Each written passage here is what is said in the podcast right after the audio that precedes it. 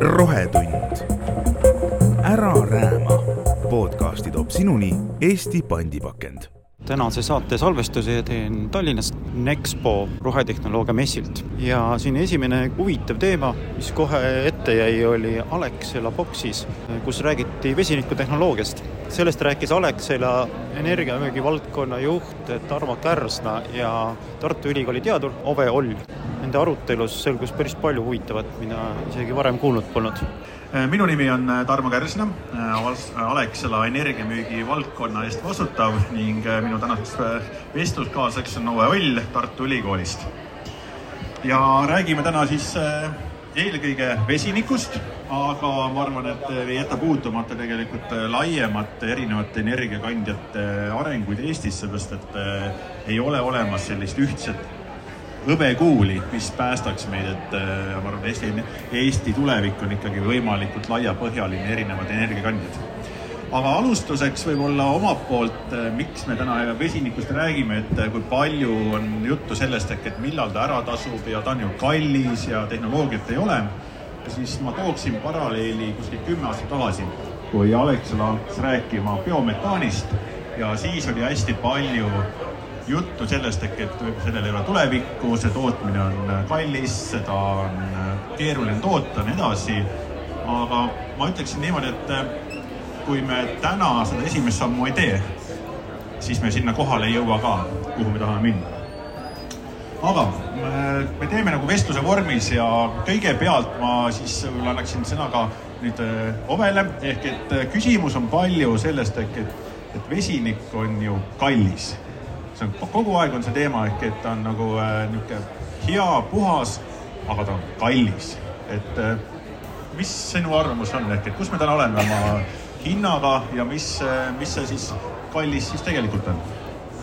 eks see kallis on niisugune suhteline määratlus, et äh, üks asi on see, et me saame rääkida eurodest ja ma arvan, et ettevõtjad eelkõige tihtipeale just mõtlevad eurode peale.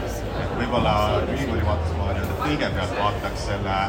muu kallis peale tähenduses, ehk siis meie riik on meile kallis, meie loodus on meile kallis, meie elukeskkond on meile kallis. Ja selleks, et seda elukeskkonda hoida võimalikult puhtana, on meil vaja teha üleminek sisepõlemismootoritega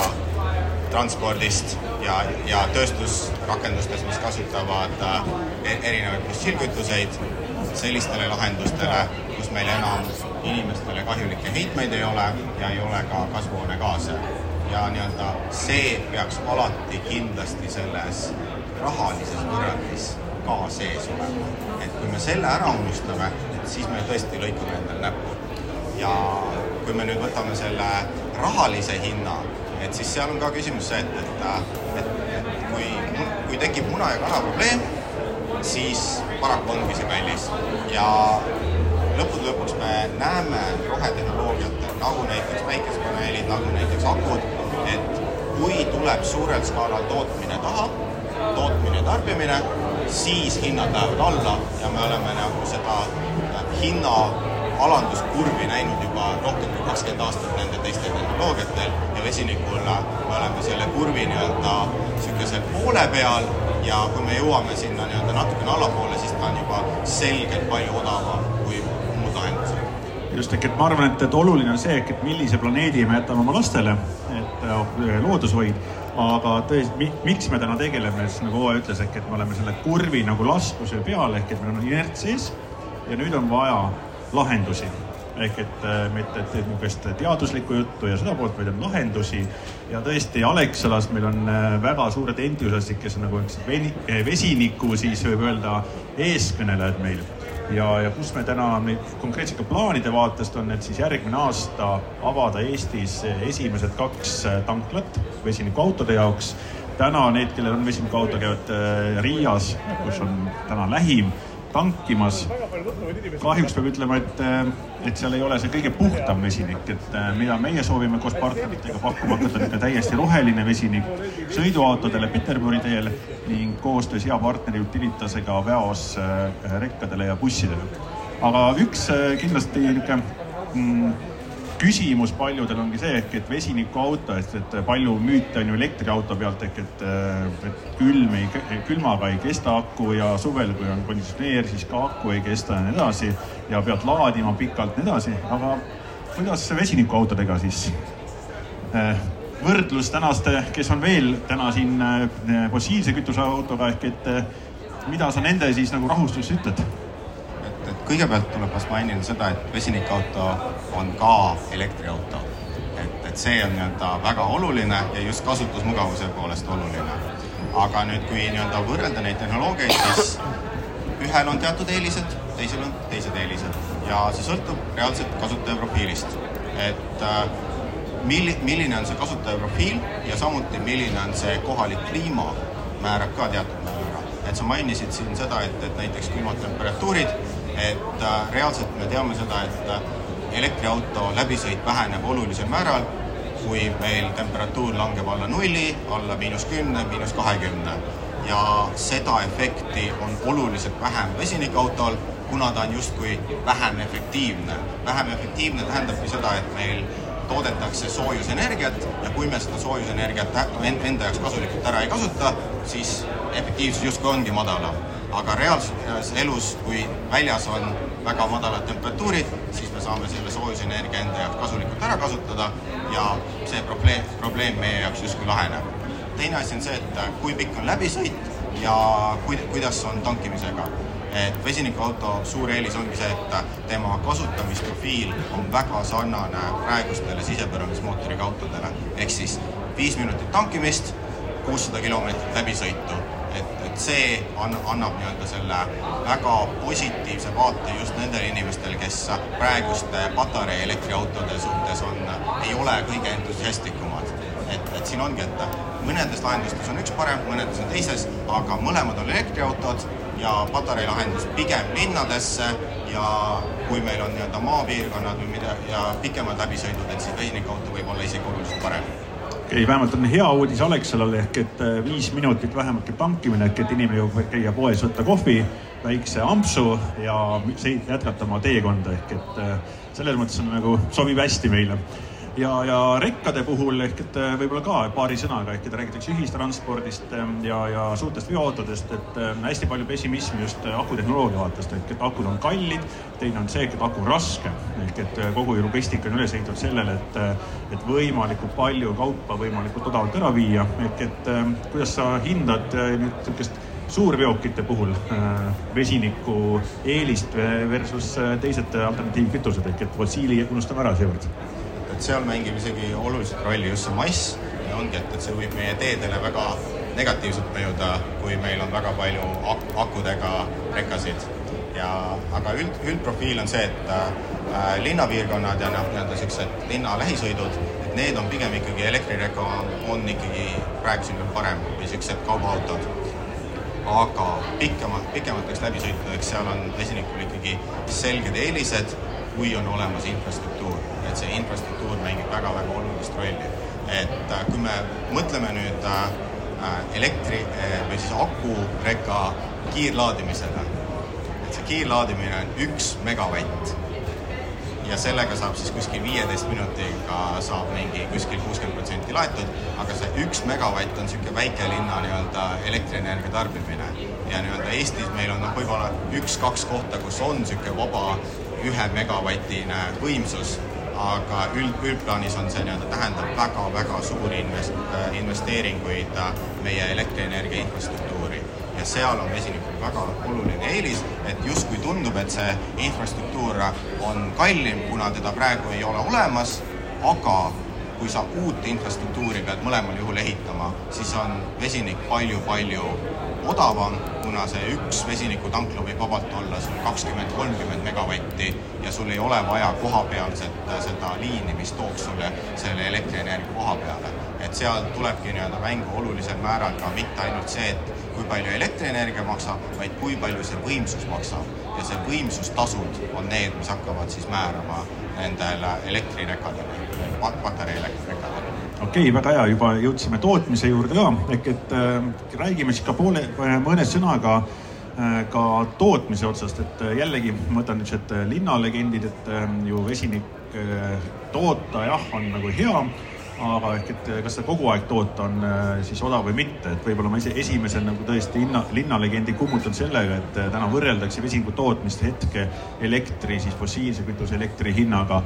mis on gaasist või siis põlevkivist tehtud, et ja loomulikult ta on nagu kallis, aga, aga tuleviku pool on ju täna, kui vaatame, palju on erinevad detailplaneeringud tuuleparkide avamiseks, et siis äh, ja rajamiseks ka meretuulepargid, et siis äh, me jõuame olukorda, kus meil on äh, hetked, kus on roheenergia ülepakkumine ning, ning meie nagu soov täna on pakkuda vesinikku puhast rohelist vesinikku, et me ei tooda seda fossiilsetest kütustest, vaid ikkagi kasutades roheenergiat aga võib-olla nüüd küsimus ongi, et seesama küsimus on, et on hea on toota, kui rohe, rohe siis energiat on palju, taastuvenergiat on ju, aga ehk et kui seda ei ole, ehk et aga siis ju ei saa vesinikku justkui. ehk et äh, hästi lihtne inimene maal küsib, et aga mis ma siis teen, et kuidas, äh, kuidas sa näed, ütleme paari lausega kirjelda, ehk et äh, nüüd koos siis vesiniku tootmine ja vesiniku tarbimine, et kuidas see tasakaal toimuks? et, et üldiselt ongi niimoodi, et, et meil väga palju räägitakse äh, juhitavast võimsusest aga samas täpselt sama oluline on ka juhitav koormus. ehk siis see, et kui meil on tuult ja päikest palju, siis kuhu me selle paneme. ja reaalselt on niimoodi, et kui meil äh, energiasüsteem on peamiselt üles ehitatud äh, heitmevabadele tootmistele, siis sellisel juhul meil on kuskil kakskümmend protsenti aega, äh, kui on vaja seda energiat salvestada, kui elektriturul on hind null et sisuliselt äh, sul on küsimus, et kas sa paned selle tootmise seisma ja seal on nii-öelda vesinik nii-öelda sisuliselt asendamatu, et need mahud energiat, mida on võimalik salvestada, on, on väga-väga suured ja on võimalik ka hooajaliselt seda salvestada. et, et seetõttu on nii-öelda vesinikul väga olulised eelised just kombineerituna roheenergiaga ja ühelt poolt sa saad kätte selle juhitava koormuse, aga teiselt poolt sa saad kätte ka juhitava tootmise. et Eesti Energia eelmisel nädalal on ka öelnud, et nemad plaanivad siis teha kas siis koostootmisjaama või kombineeritud elektritootmisjaama, mis töötab vesiniku peal. et seda jaama sa ei pea kogu aeg käitama, aga sellel hetkel, kui on vaja seda energiat, on sul see vesiniku kujul kättesaadav. et sul on nii-öelda kaks poolust, et juhitav koormus, siis kui on palju tuult päikest, toodad ja siis, kui on vaja äh, elektri, elektriturul rohkem energiat, siis sa saad seda taastoota. ja elektrolüüsi puhul on peamiselt see, et selleks, et need äh, elektrolüüseri kulud tasa teha, peab see elektrolüüser tootma kuskil nelikümmend kuni viiskümmend protsenti ajast. Ja seetõttu ongi, et päik-, ainult päikesepaneeliga kombineerides sa ei saa seda kätte, aga kui sa saad maismaatuul pluss päike, siis sa saad selle nelikümmend viis protsenti kätte. Ja eriti hea on veel meretuulepark, et see annab kuskil viiskümmend viis protsenti ajast elektrienergiat ja sellega on igal juhul mõtet siis elektrolüüsi ja vesiniku tootmist kombineerida. okei okay,, et vesinik on sisuliselt nagu aku, et äh, sel hetkel, kui toodame elektrit, siis me kuhugi salvestame ehk et äh, selle energia, mida me saame siis tarbida sel hetkel, kui, kui äh, siis rohelist energiat ei tule ja teine on see ehk, et vesinikku saab kaasa võtta, nagu sa juba ütlesid, ehk et ehk et ka laadimisjaamad, ehk et ei ole vaja siis äh, võrku ehitada, võrku tugevdada seal, vaid et äh, on lihtsam ka olemasolevat infrastruktuuri nagu ära kasutada. Ähm, võib-olla ka ehk, et äh, jät-, korra veel tulles selle juurde, et ähm, ehk et ega see on ju, tehnoloogia on kallis, aga tehnoloogia areneb äärmiselt kiiresti ja oluline on saada taha siis hinda alla, on saada taha siis tehnoloogiat ja teine pool on siis mahtu. ja, ja väga hea nagu on näha, ehk et ka riik on täna selles suunas mõtlemas, ehk et alternatiivenergiatega räägitakse biometaani laevastiku, laeva äh, ehitusest äh, täna on välja kuulutamas või siis äh, arutelu, aga välja kuulutatamas hange ka esimesele vesinikulaevale ehk et kui tuleb taha maht, siis tekib huvi ka tootjatel äh, vesiniku äh, tootmisse investeerida ja, ja see toob nagu hinna alla. et võib-olla ikkagi tuleme sinna autode juurde korraks, korraks veel ikkagi tagasi, ehk et, ähm, ehk et kui me nagu võrdleme, küsimus on ehk, et palju ma siis sõidan, et sa ütlesid ka ehk, et ähm, kuussada kilomeetrit saad äh, viie minutiga läbi sõita, aga ehk, et mis see siis kulu on, ehk et siis äh, kulu äh, täna ma arvan, et jääb sinna vahemikku saja kilomeetri läbimiseks kümne ja viieteist euro vahele ehk et kui me võtame linnasõitu, tavalise bensiiniauto, siis ta on juba täna, on see hind sama, mis on bensiiniautol ja, ja kui me saame mahu taha ehk et tootmismaht taha Äh, roheenergia ressursse tuleb juurde, siis äh, kindlasti me näeme lähitulevikus, kus see hind liigub alla kümne euro ja, ja siis selgelt on ta efektiiv, ütleme odavam kui juba tol hetkel fossiilsed kütused. ja noh, ei saa ka unustamata jätta seda, ehk et me võrdleme tänast maailma. täna, kus me täna oleme, aga vaadates siit äh, mitu aastat ettepoole äh,, kellel on diisliautod, kindlasti jälgivad murelikult seda, et järgnevate kolme-nelja aasta jooksul tõuseb diisliaktsiis. selgelt Euroopa Liit liigub sinnapoole ehk et kuidas fossiilset kütust turult välja saada, on läbi maksude ja kakskümmend seitse aasta tuleb ka siis äh, süsinikumaks äh, fossiilsete kütustele juurde. ehk et tänasega võrreldes võib täna öelda, et see äh, diisli või bensiini hinna tõus on kuskil kolmkümmend kuni viiskümmend senti liitri kohta ehk et mis teeb juba,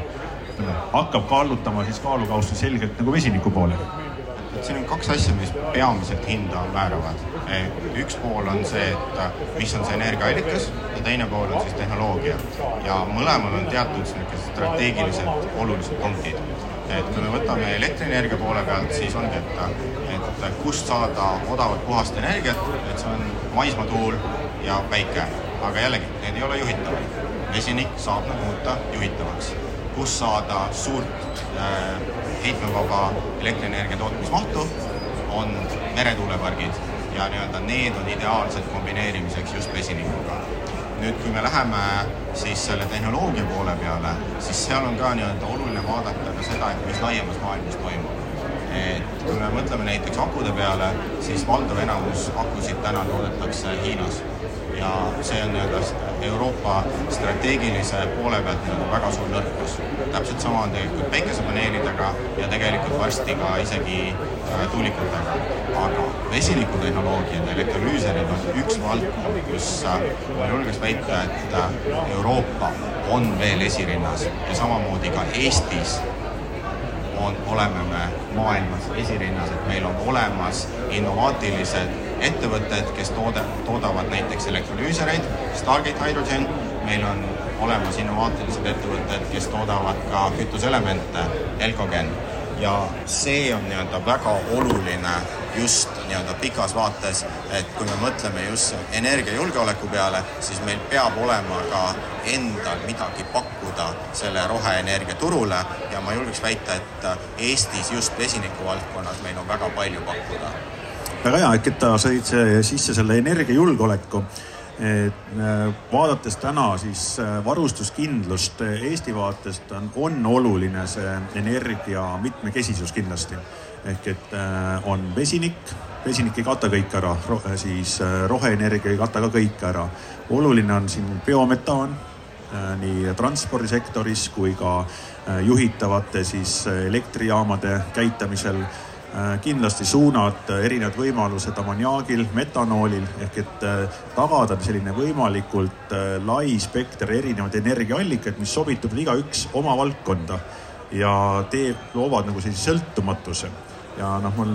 võib-olla paralleelini tuua ehk et omades sellist mitmekesist energiatootmispotentsiaali või ütleme võime, võimekust Eestis, siis meie energiahinnad sõltuvad võimalik jällegi väga vähe äh, maailma siis geopoliitilistest tõmbetuultest, mida me täna lehtedest iga päev, ma pean kommenteerima, miks siis äh, bensiini hind tõusis või langes või nafta hind, et äh, kuskil keegi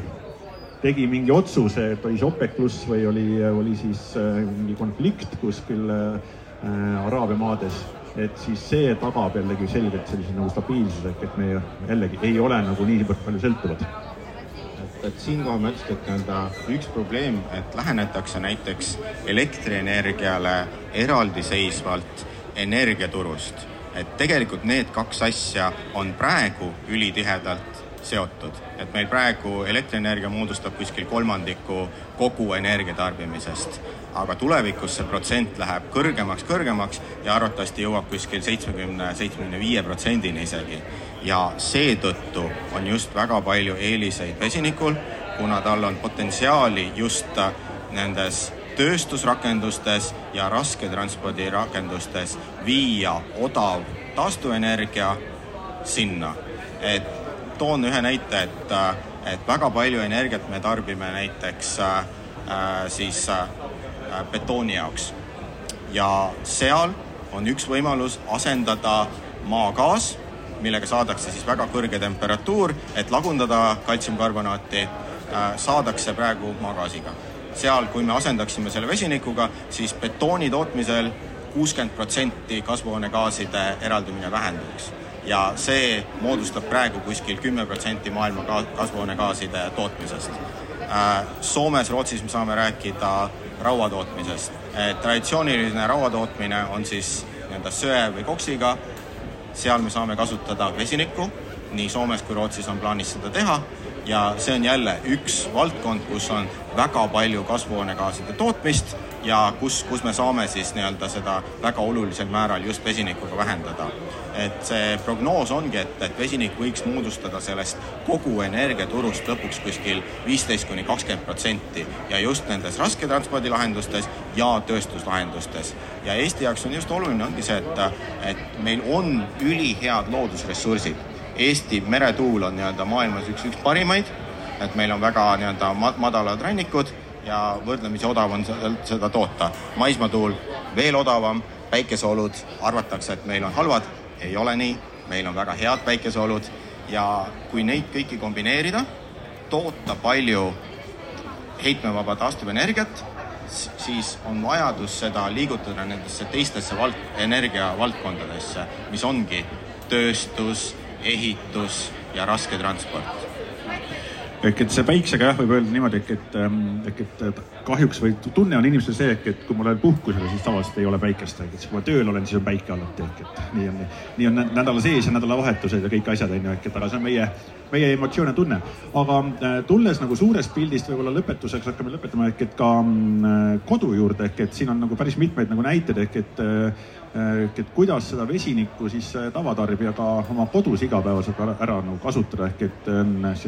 siin, siin selja taga on vesinikuballoonid erineva suurusega ehk et mis võimalusi see meil iga päev kodus ehk et on see siis mul kodus, on see mul maal, maakodus, suvekodus ehk et mida see aitab täna lahendada meil? et, et kodulahendustest on pigem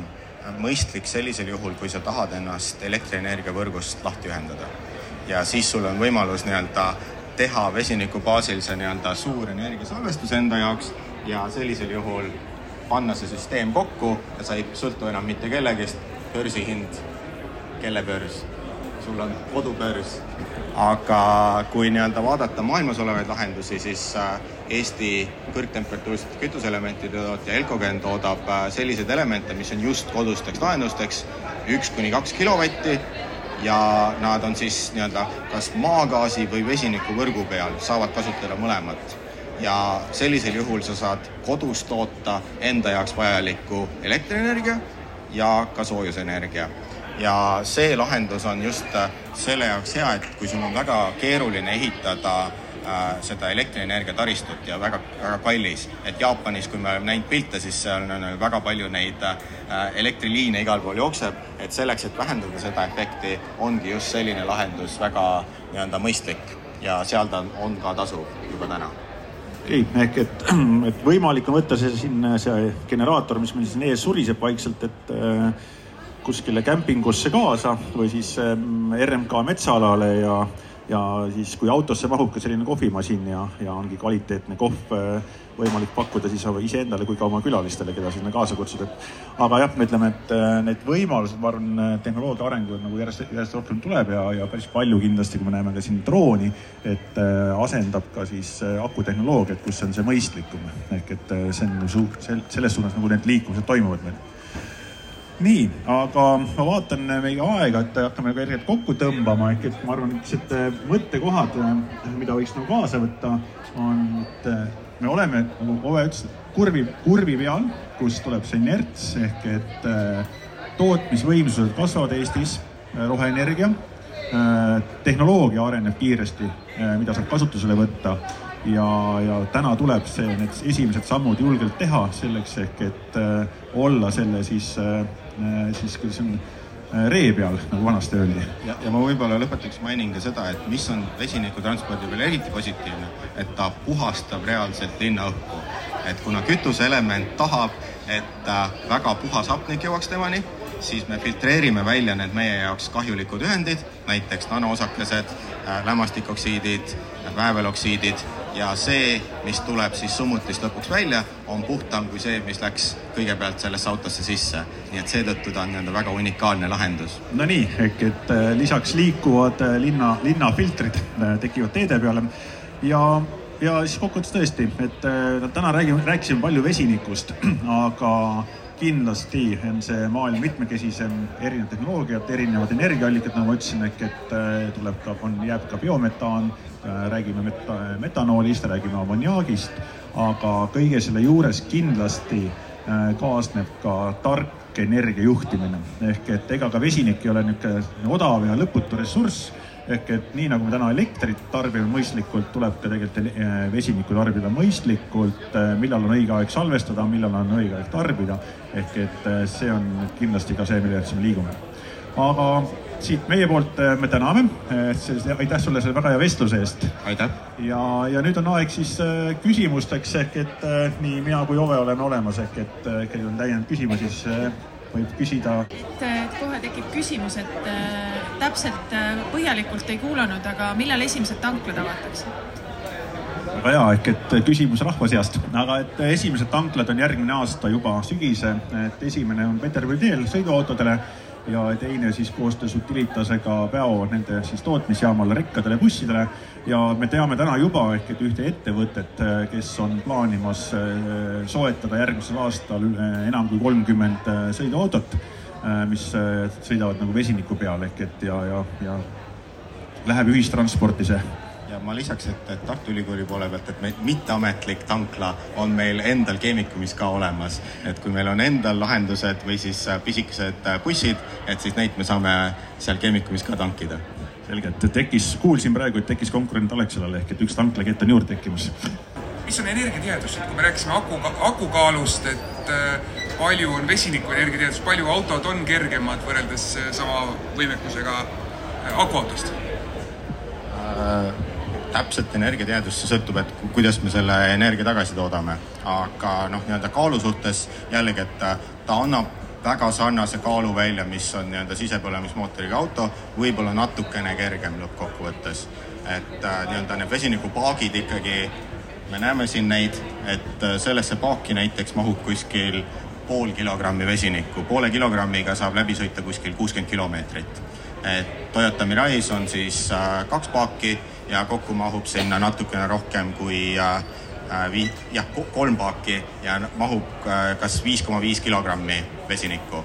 palju tootmine maksab, kui tahaks omale koju lükata vesiniku tootmise püsti? ütleme näiteks elektripark on olemas, öösel on tuul, energiatarbimist ei ole, paneks purki? Sõltub mahust, et, et see ongi see, et, et äh, nii-öelda kui sa tõesti tahad investeerida, et, et siis pigem sa teedki teedki koostööd näiteks Tartu Ülikooliga, et Tartu Ülikoolis me saame ise toota elektrolüüseri, ise toota kütuseelemendi äh,, ise nii-öelda paneme selle nii-öelda toimima, et meil omal keemikumis on selline lahendus juba toimiv, kus meil on akud, elektrolüüserid, vesinikusalvestus, kütuseelemendid, et kõik, kõik need asjad on meil juba selles majas rakendatud. aga nii-öelda selleks, et saada seda hinda alla, on vaja minna skaalasse, et äh, nii-öelda tanklate puhul me räägime alates ühest megavatist, aga noh, pigem nii-öelda niisugune viis-kuus megavatti on niisugune mõist-, mõistlik tootmine. et, et siis on võimalik saada mõistliku hinna ja noh, kui rääkida sellest, et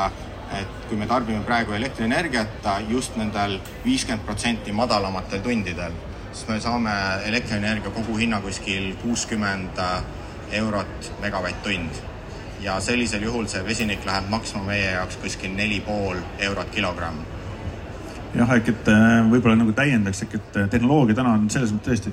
ehk et suur, toetavad äh, eelkõige suures mahus tootmist, aga ehk et kindlasti tehnoloogia arendus tuleb ka aren-, arenedes tuleb ka need väiksemad tootmisjaamad hinnad alla, tuleb see võimekus sinna juurde, ehk et siin tuleb vist aega anda, ehk et täna, täna hetkel veel öelda, ehk et võtan koju, on ju, siis ähm, veel mitte. sama võiks päikesepaneelide kohta öelda, et noh, et koju katusele päikesepaneeli panek on niisugune ja aga vaata näiteks aastal kaks tuhat oligi niimoodi, et kui ei oleks näiteks Saksamaa otsetoetuseid olnud, kus nad maksid topelthinda, et mitte keegi ei pannud endale päiksepaneele, et äh, kui me toetame, et noh, näiteks toome näiteks fossiilkütused, aasta kaks tuhat kakskümmend kaks oli maailmas rekordiline fossiilkütuste otsetoetuste baasil. et ne-, see hind, mida me täna näeme, tegelikult on toetustega hind, mitte ilma toetusteta hind ja vesiniku puhul samamoodi, et alguses pead sa selle ratta vedama saama ja siis see inerts annab meile see, mis toob hinnad alla. ja Euroopa Liit näiteks panustab tohutult palju just elektrolüüserite hinna allatoomiseks ja nii-öelda see, kui palju me tahame gigavatte neid elektrolüüsereid hakata äh, tootma maailmas, on ikkagi väga-väga-väga suur maht. ja ma selle päiksepaneeli osas tõesti, et paljud äh, Eesti tarbijad olid eelmise aasta sellest nelja tuhandest eurost nagu vaimustuses, ehk et on hea toota aga nii nagu ma ütlesin ka vesiniku puhul, et tegemist on salvestustehnoloogiaga, ehk et ka lihtsalt päiksepaneeli pole mõtet panna, et see peab olema täna nagu salvestus, täna on aku. Salvestusena on odavam kui vesiniku tootmine koduses tingimustes. Ja kui siis sinna juurde lisada, et siin on ka jooksnud selline virtuaalne nagu elektrijaama nagu äh, teenus, mida Alexela arendab, et, et kus on tarkus, millal sa salvestad, millal sa toodad äh, või toodad ja kuidas sa salvestad, tarbid, et see kokku annab selle efekti ja kokkuhoiu, mitte ainult üks komponent, et kas ma toodan ma tarbin või ma ainult salvestan, ehk et eh, see peab üks tervik olema. rohetund. ära rääma. podcasti toob sinuni Eesti pandipakend